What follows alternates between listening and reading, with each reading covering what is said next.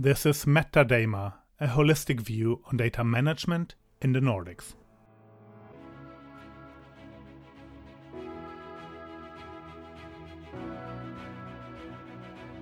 Welcome. My name is Winfried, and thanks for joining me for this episode of MetaDAMa. Our vision is to promote data management as a profession in the Nordics, show the competencies that we have, and that is the reason I invite Nordic experts in data and information management for a talk.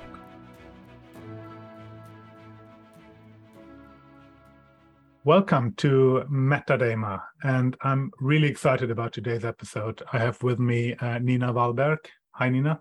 Hi. Great to have you with me today. You are working as head of data and insight at uh, Oda, and you've been doing that since 2019. And uh, those of you who don't know Oda, Oda is a company that uh, provides, I would say, world class digital uh, retail services. And there's just a quote from, from Oda We exist to build the world's most effective retail system to create a society where people have more space for life and I really like this one. And uh, I think Nina can explain a bit more about it. But uh, welcome, Nina. Thank you so much, and uh, thank you for a wonderful introduction. We're going to talk about um, data and retail scale up, um, but we're also going to talk about the six principles of value creation with data. And this is something uh, special that uh, Oda has been working on for a while. So I'm really excited about this part. But before we start, um, Nina, you can introduce yourself. Yeah, thank you. Yeah, who am I? I uh, as you said, have been with Oda since early 2019. Before that, I have more or less spent my whole career working with data. I have a background in optimization and supply chain management from NTNU in Trondheim. Um, so I guess Oda is sort of the perfect place to end up um, for someone who sort of loves to apply data and, and those methods uh, on also a very physical supply chain, but also have been working with more of the digital product development side of things as well. I, I started my career in consulting, was actually had just started and was consulting for a bank when the Lehman Brothers fell in in 2008, and was tasked to try to develop an early warning system to see which customers were sort of in the biggest danger of not making it through. So that was sort of a cool start of my career, but I've been working with you know traditional data warehousing back in those days, uh, reporting, but also always seen the opportunity to do more with data than just look backward and do reporting and have been pushing for that as well. So after um, many years in consulting, I joined VG and uh, was in a somewhat similar role to what I have today in Oda, also in VG, and was then asked to establish what today is called, I think, Media Insight in Schibsted, the media or news part of Schibsted, and was responsible for the that part data and insight across the media houses in Schibsted, which was also a very exciting journey to be on. But then, as a very loyal customer to Oda, it was uh, exciting to be able to get in and establish data and insight as a proper discipline and establish a proper team around that in 2019 uh, at Oda, where it also I felt that the conditions were really there to do it uh, in a way that I felt it should be done and have really been given that freedom and and uh, opportunity to do that. And I think those principles that we will talk about today sort of incorporate some of those thoughts I have uh, and also the ODA organization have around how this should be done. Thank you. And this is really interesting. And just to get back to the mission or ambition statement that ODA has to create a society where people have more space for life. How do you do that? Yeah, how do we do that? I mean, it is something to look differently around what you would would like to achieve. Like I, I want to feed my family. That is the end goal. And then you might have some extra conditions for that, you know, how healthy it should be, the different balance between the different meals, preferences, and so on. But uh, personally, I would rather do that, uh, spending as least time as I can on that. You know, try to avoid too much planning and also spending time, especially picking up my two girls from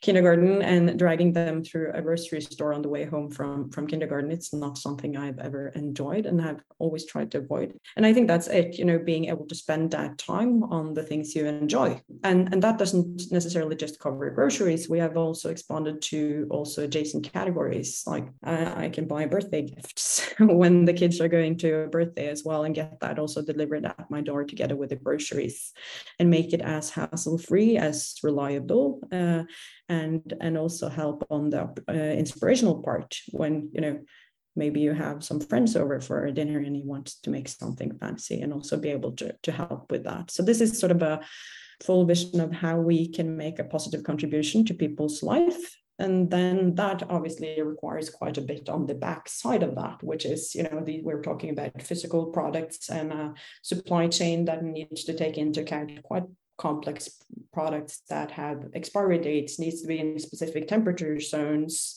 uh, and all of that to make that work and to give a really good user experience. So the episode that we're going to record today is kind of marrying together some of the things we talked about in earlier episodes. We talked about data and scale up um, earlier, and we talked about data and retail earlier.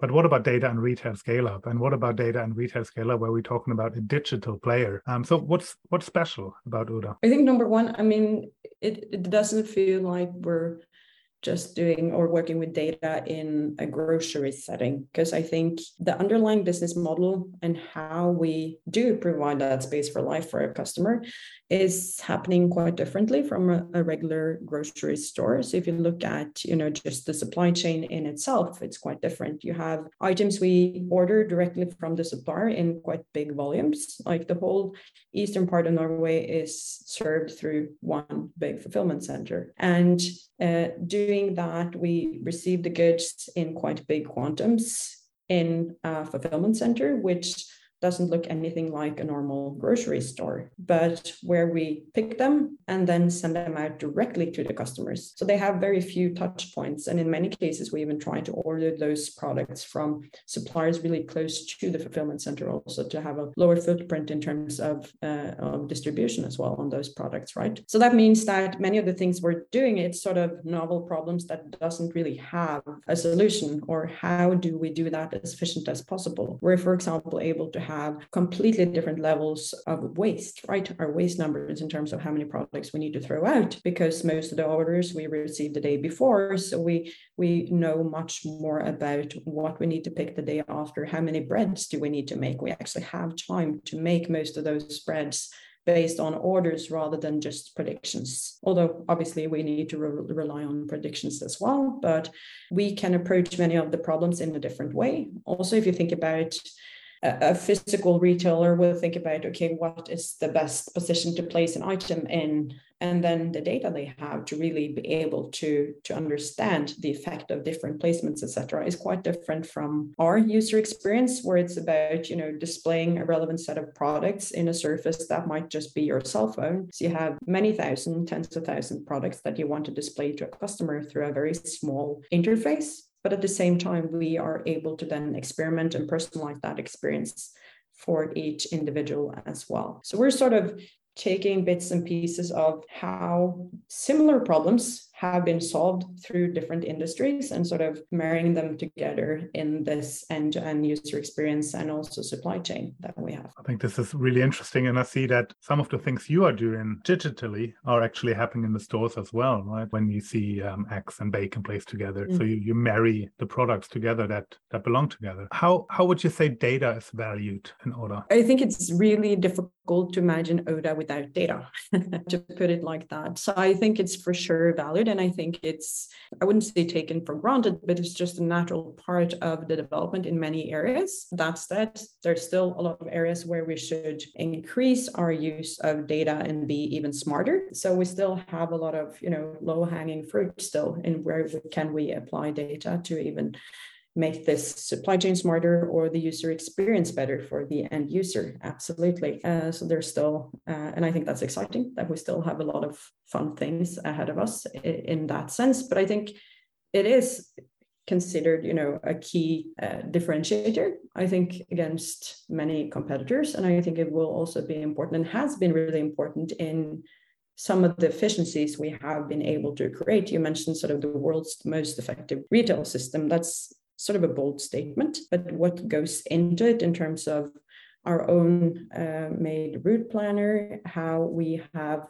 uh, applied several steps of automation, use of machine learning, also in the picking the uh, operations, is really a core part of how we stand out and how we are able to actually deliver on a world class level here. And another possibility that you have that a physical store wouldn't have is greater insight in the choices a customer would would make. How can you provide insights to the customers to help them with making the good choices? And how can how can data um, help create inspiration for the customers? I think on the first one, how we can provide insight to the customers. I think one concrete example where we do that is we provide a climate recipe for our customers, uh, at least in Norway. So you can see the uh, footprint of the products you buy. And and you can go in and have a look at that based on each order you've had. And there's certainly several things we can do to further develop that and also sort of help you try to understand how could you have had a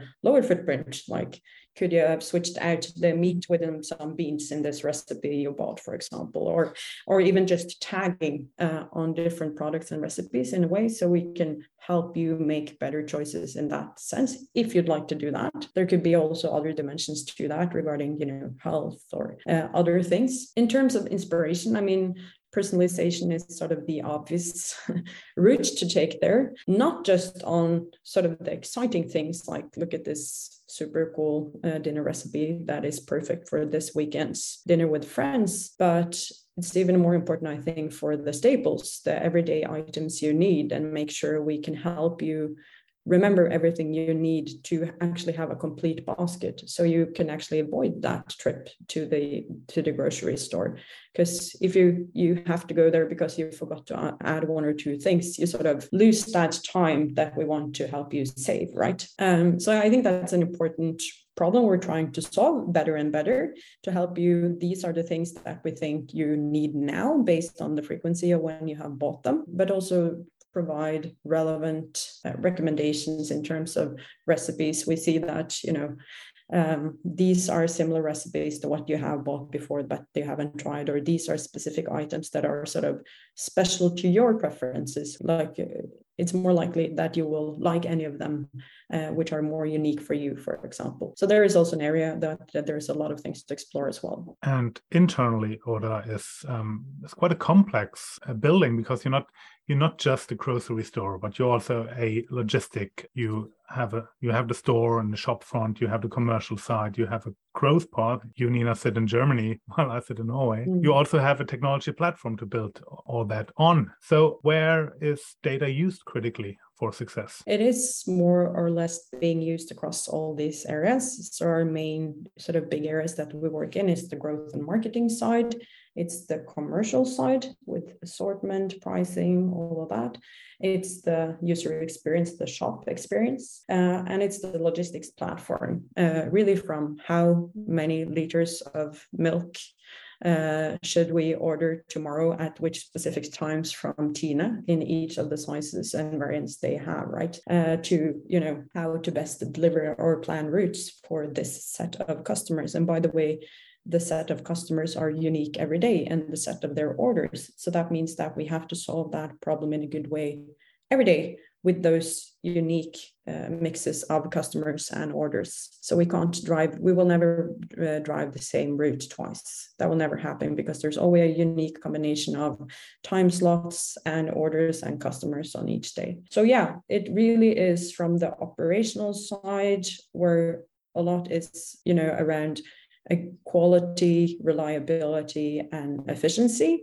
But then on the other side, more about engagement. How can we communicate to the customers in the right time? We uh, also want to provide space for life in, in terms of not being in people's face all the time. We would like to nudge them when it is actually relevant rather than to do that excessively. So it's also being cautious about that. But give the right nudges because many of our customers they say that the biggest reason they don't use us more often is because they forget and then it's sort of too late and then they do that shopping on their way home from work instead of placing that order the night before right? So they could have received that order in time. So there are a lot of companies who call themselves uh, data driven and there's a lot happening in the retail sector um, in general. There are digital only players like you there are omni-channel players who have um, physical stores and a digital store. There's players that have only physical stores. So how can Oda differentiate in such a sector?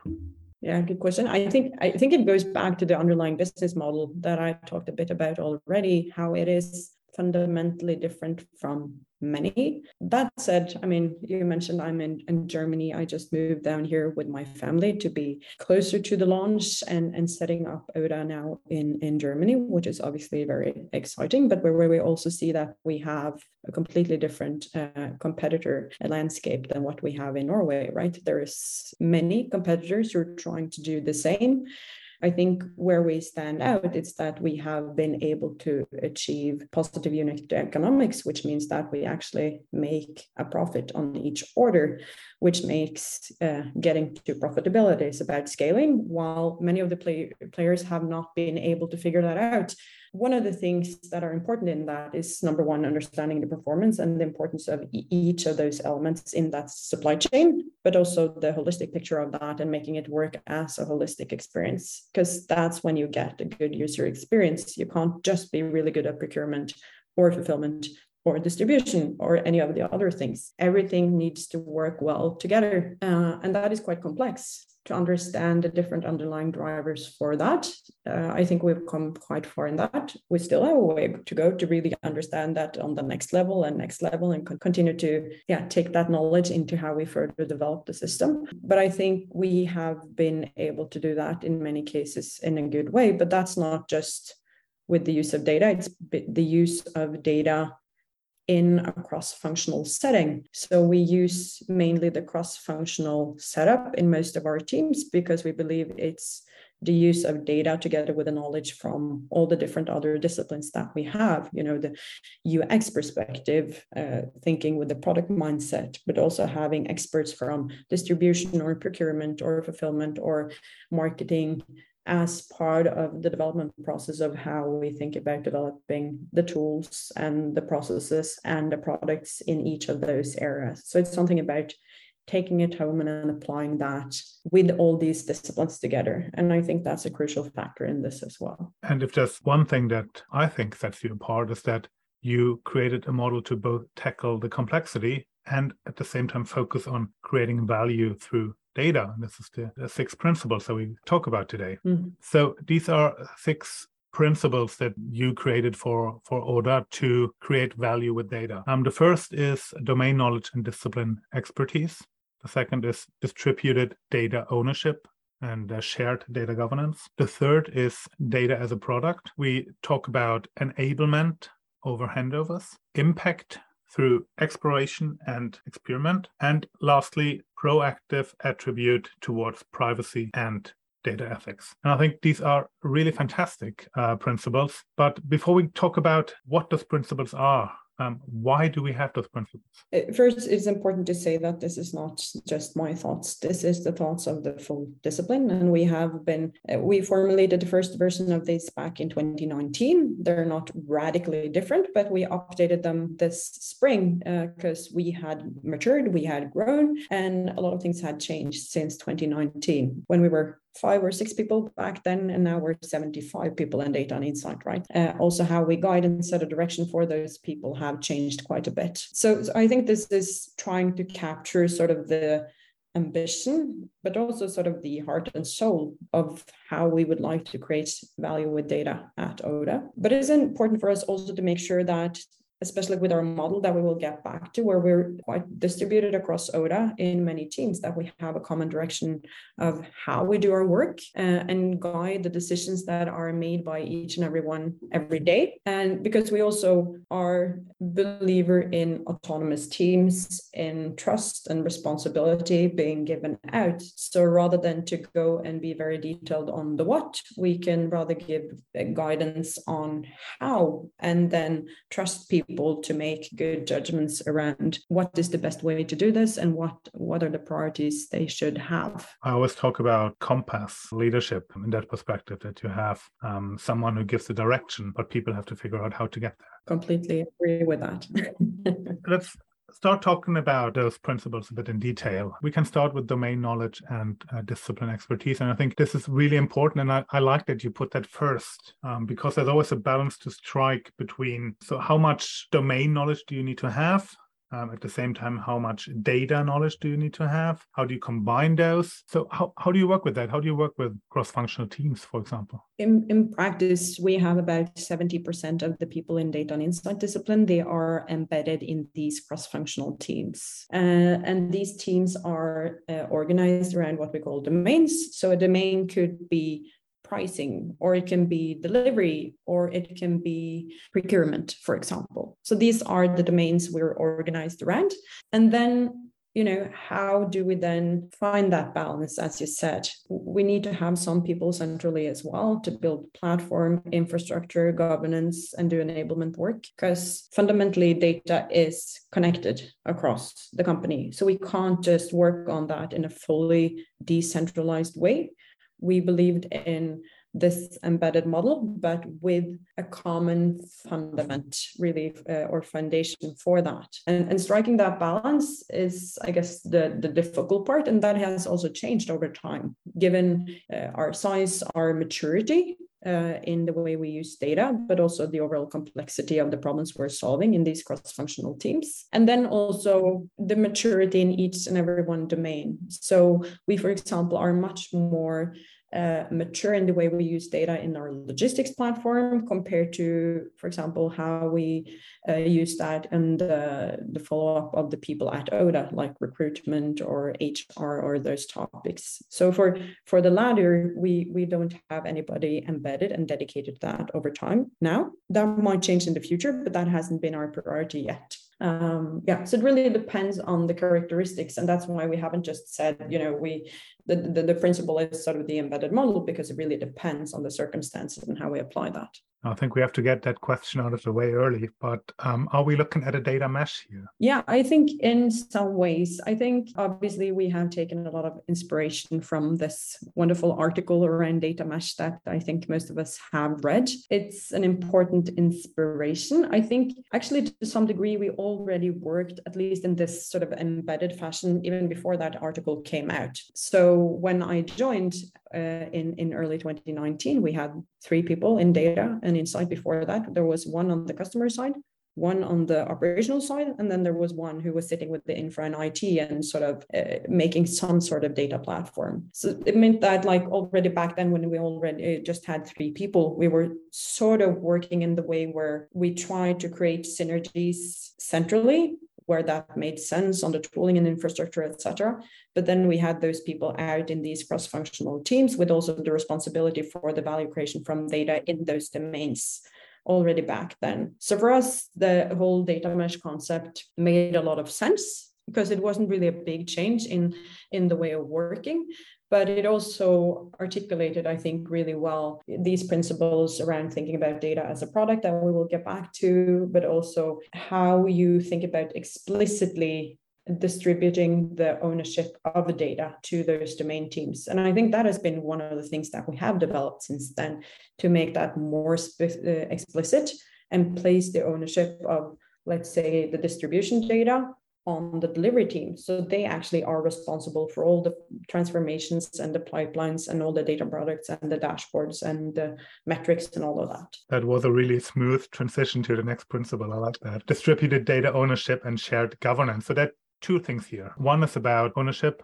and responsibility for data. But the question there is who should have responsibility for data? And the other question is how does shared data governance look like? Excellent questions. Uh, there's probably no one right answer to that. But the way we have thought about it is we already have these domain teams, and that's how we have been developing the processes and the different parts of the ODA product. So it was quite natural to then extend that responsibility to not just let's say for the for the delivery team not just to be responsible for all the processes and the tooling for all the drivers and and the route planners and all of that but also include how we think about value creation from data data literacy also as part of that responsibility and place that and then set up the delivery team with the right competency and capacity to take on the, that responsibility And that is the crucial part, right?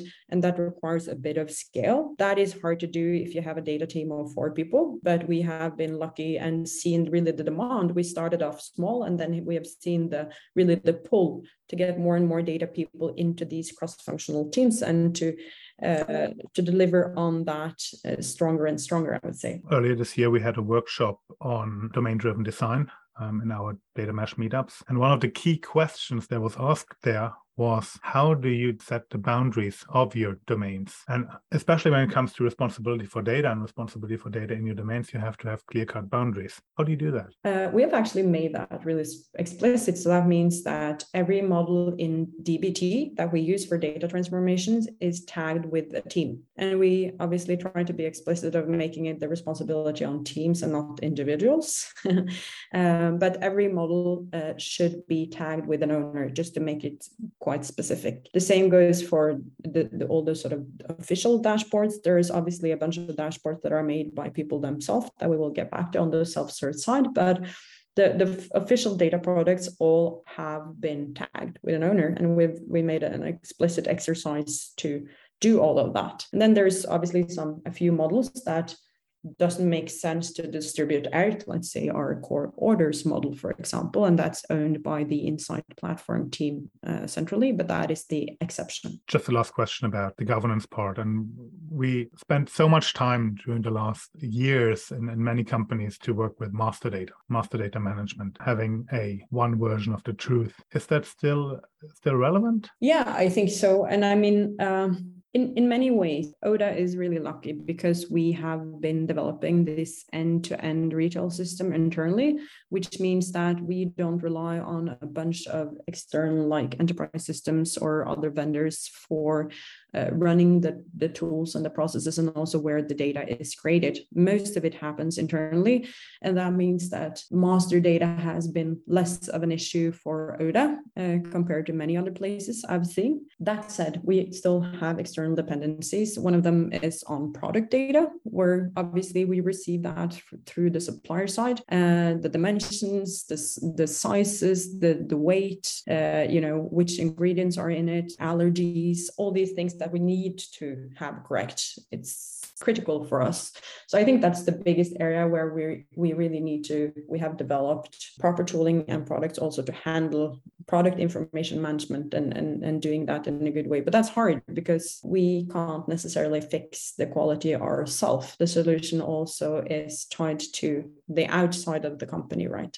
Yeah. But then on the internal side of data governance that you you mentioned as well, it's in many ways, I think I try to make it as simple as possible because data governance sounds very abstract in some senses, but it's really about standardizing how we do naming and documentation and structure code and product projects and uh, metrics and there's good places to find it we have a common uh, defined uh, architecture for how we uh, model our data. So there's a common uh, thought uh, underlying that to make sense of the data together, right, across ODA, because that's where the value lies. In some cases, you would like to just see, look at the distribution, but in most cases, you would like to analyze how our distribution is doing uh, by also adding other dimensions and, yeah, domains of data to that as well so that's you know the important part of making this distribution work is you also need to get the governance side right. But again that's a balancing act. How much governance how much control versus how much freedom and autonomy in this. Yeah not to say that we have fully figured this out. Everything here is always in progress. And these principles are for us also very much aspirational as well to to have something to also work towards. I really like this one just because every time i talk to people that work in retail um, there's an enormous focus on customer data and there's strength in that definitely but that also means that all the governance work all the data quality work is always focused around customer data but you talked about product data you talked about logistics data and i think this is as important as as customer data. Yes but uh, of course i mean the customer should always be top of mind and providing space for life uh, to them, as you said well in the beginnings. I mean, this always ties back to the, the customer problem or the, the, the value proposition that we have here, right? But without the proper product data, we will not be able to live up to that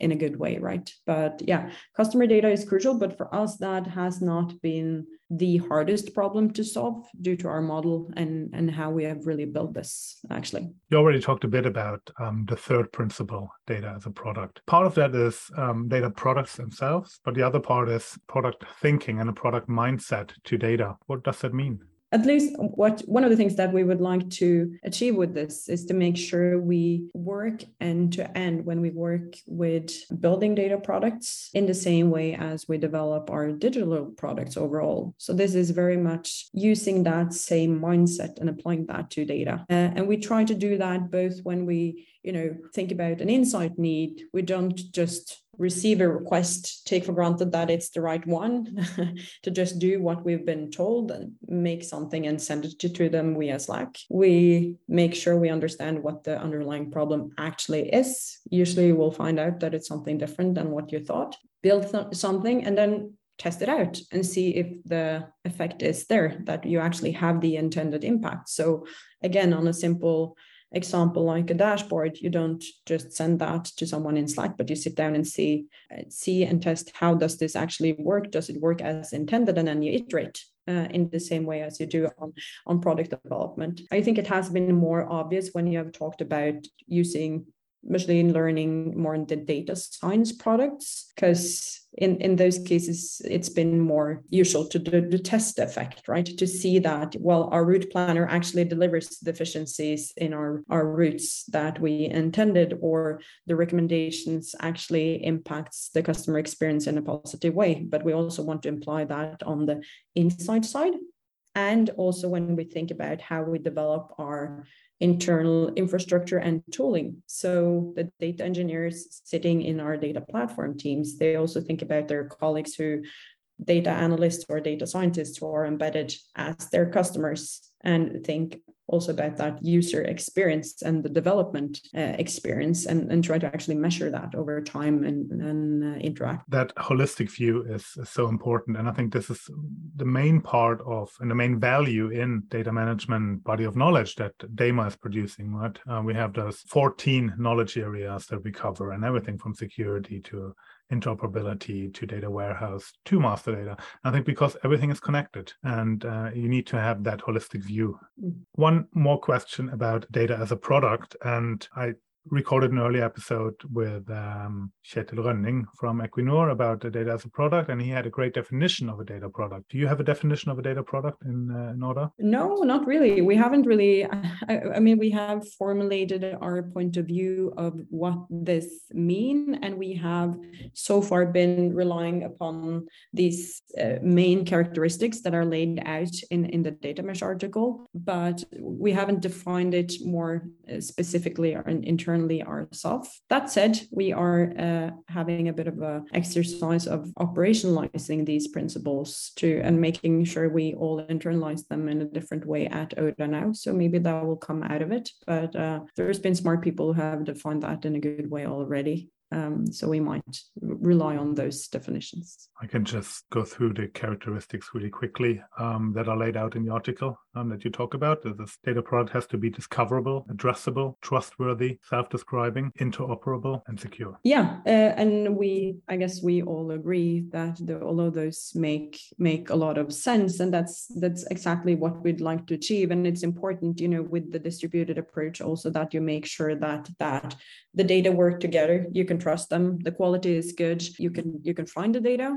So the you know naming matters consistency matters uh, structure matters also around all these things. So um, yeah we very much agree with all of that. So it's kind of like buying a bicycle, right? You have certain expectations of what you buy and what you get. You want something with two wheels and not four wheels, right? For sure. To go um, over to the next principle, which is enablement over handovers. With enablement, what, what do you mean? I mean, we, we have sometimes used sort of a simple analogy, right? You you teach somebody to fish and you, you feed them for a lifetime instead of giving them a fish and just feed them for a day, right? And and many use the word self-service, and that was what we also used for this, that we wanted to be self-served in different levels and in different ways across Oda.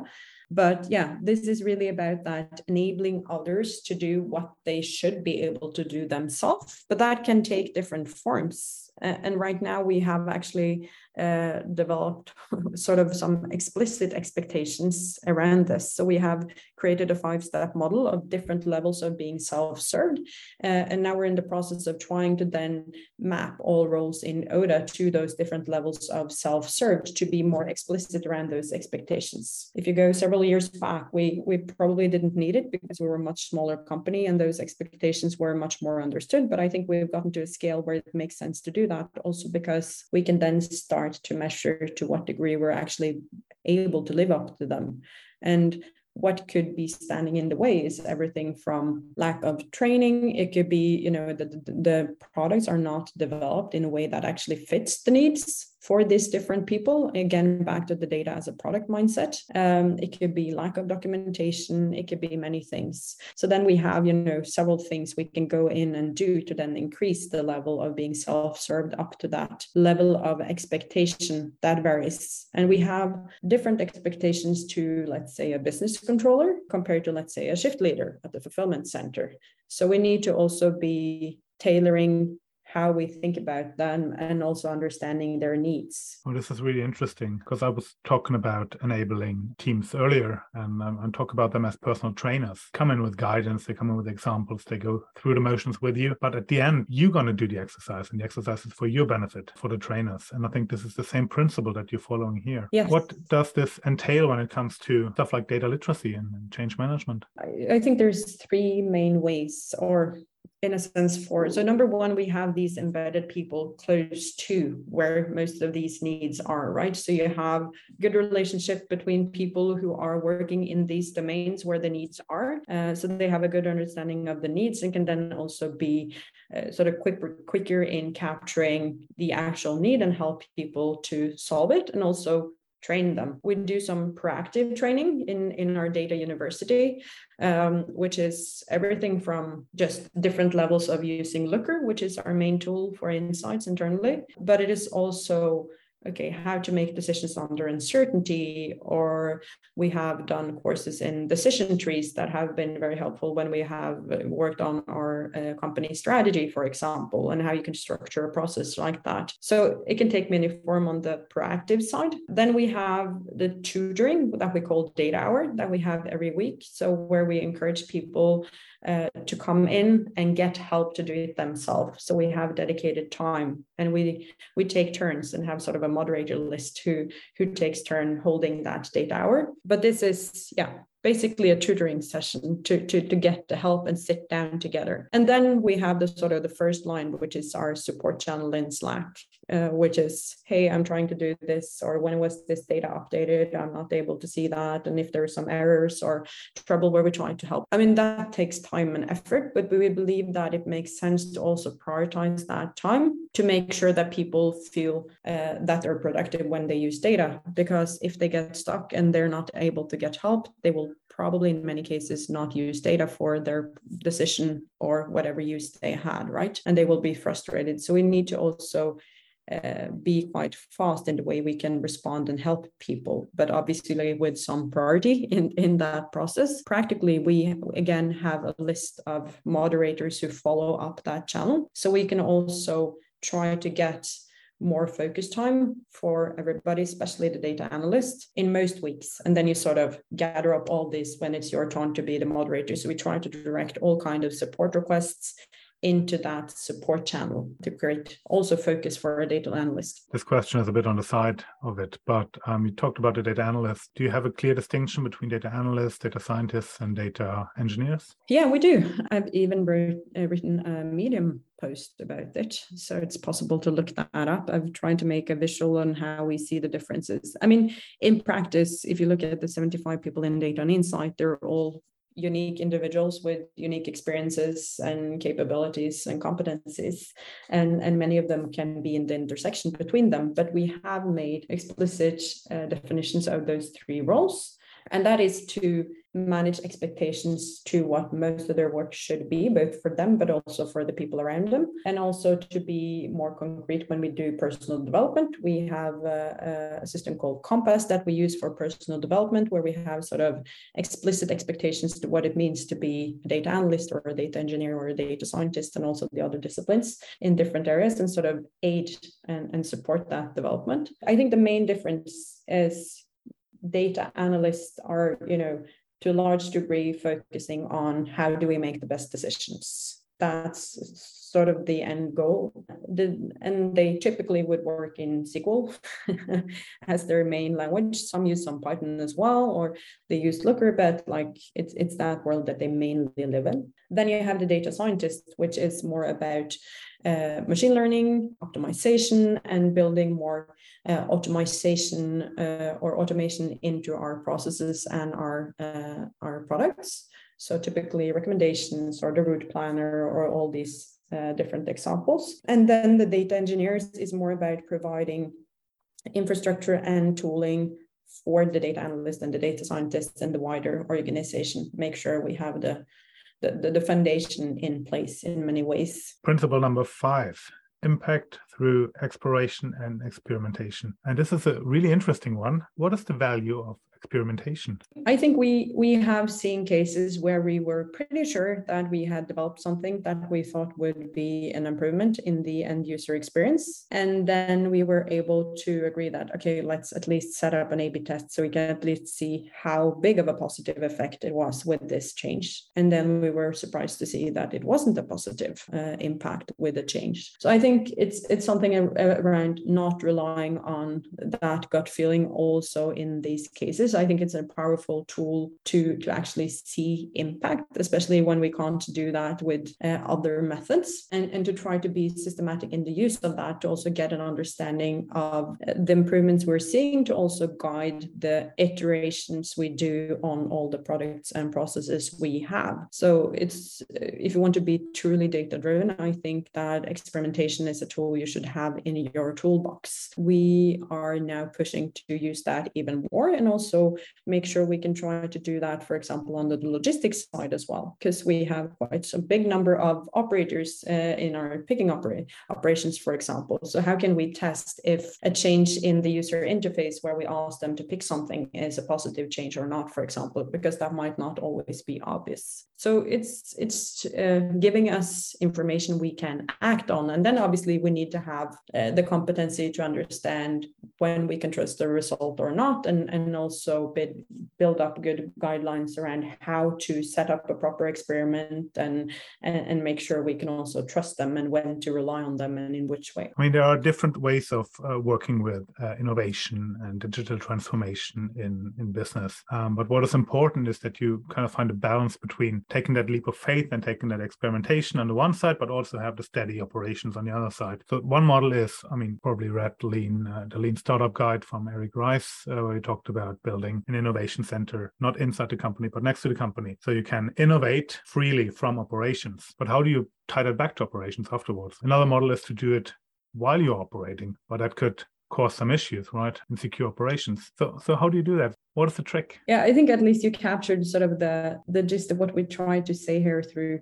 you know there's both experimentation but there will also be exploration and there are many cases where we don't know if something we embark on will be a success but the potential upside should be big enough for us to spend time on exploring that uh, especially working with data, you don't really know if the data quality will be sufficient, if you have captured the right data. Are you able to capture the right data?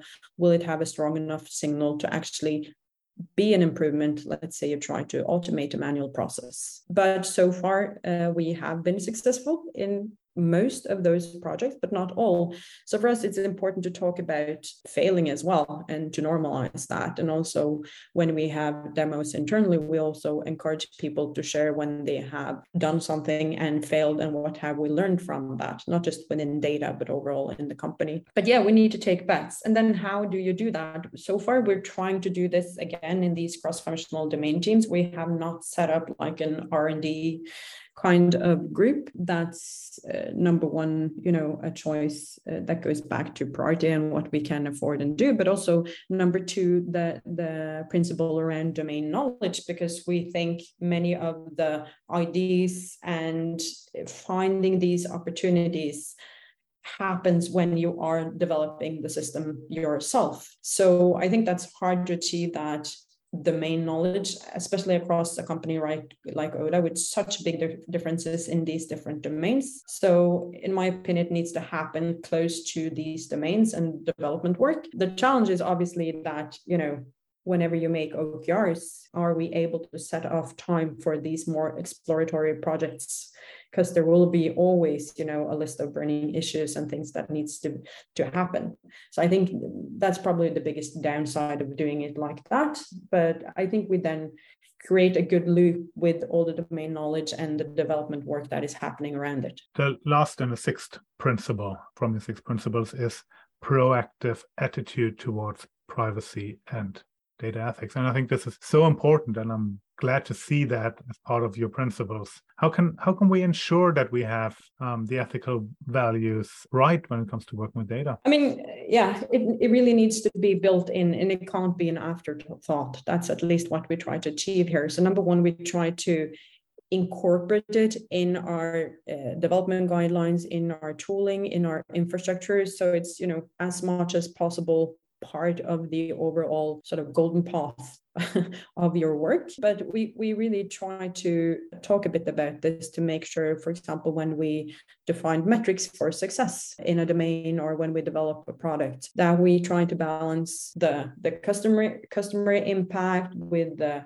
impact on the business side. We also need to be a profitable company, right? We, we can't just just optimize for the customer, but also our, our suppliers. We need to take that into account. If we we can't have them over time, we will not uh, in business, but also the sustainability aspect, which is also really important for us. So it's all about balance, right? Balancing all these things. And then more on the ethics side, that sort of comes as a next step based on that. I mean, that's not limited just to data. Whatever we build, we need to be very conscious about what the effects of that could be and be conscious about exploring that as part of a development process or when we set up metrics or whatever we do. So for us, this really points back to our company uh, behaviors as well.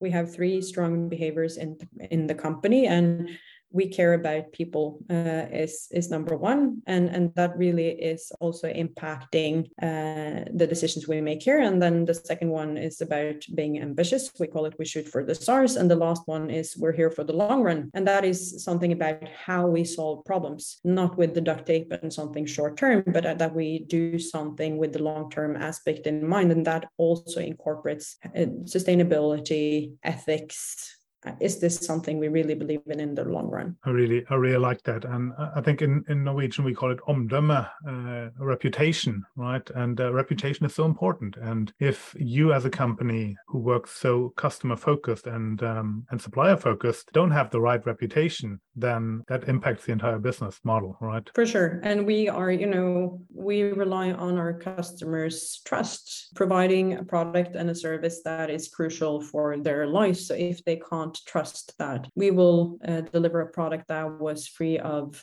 nuts if they have allergies for nuts or it could, it could take so many forms right? We need to be a reliable product and, uh, and a reliable company and that they don't are afraid that we will trick them for example and continuously try to recommend products that have really high margins for us for example that that they know that uh, they don't have to spend energy on that. If if we do that then we don't provide space for life for our customers for sure Thank you. And I will love to end on that note. Thank you for a good discussion. I would give you the chance to get your key takeaways uh, from the discussion or, or maybe call to action. Yeah, how to summarize. I think it was difficult to get down to six principles when we made these. There was a lot of also other other important aspects that we could capture, but still it's it's something about that some of these principles, they they don't work as just one and one. They are all connected as a holistic approach. And I think it also ties into how we have uh, set up cross-functional teams in ODA and, and believe in that as the way to create value and continue to develop. And I think has been critical for our success. And these are sort of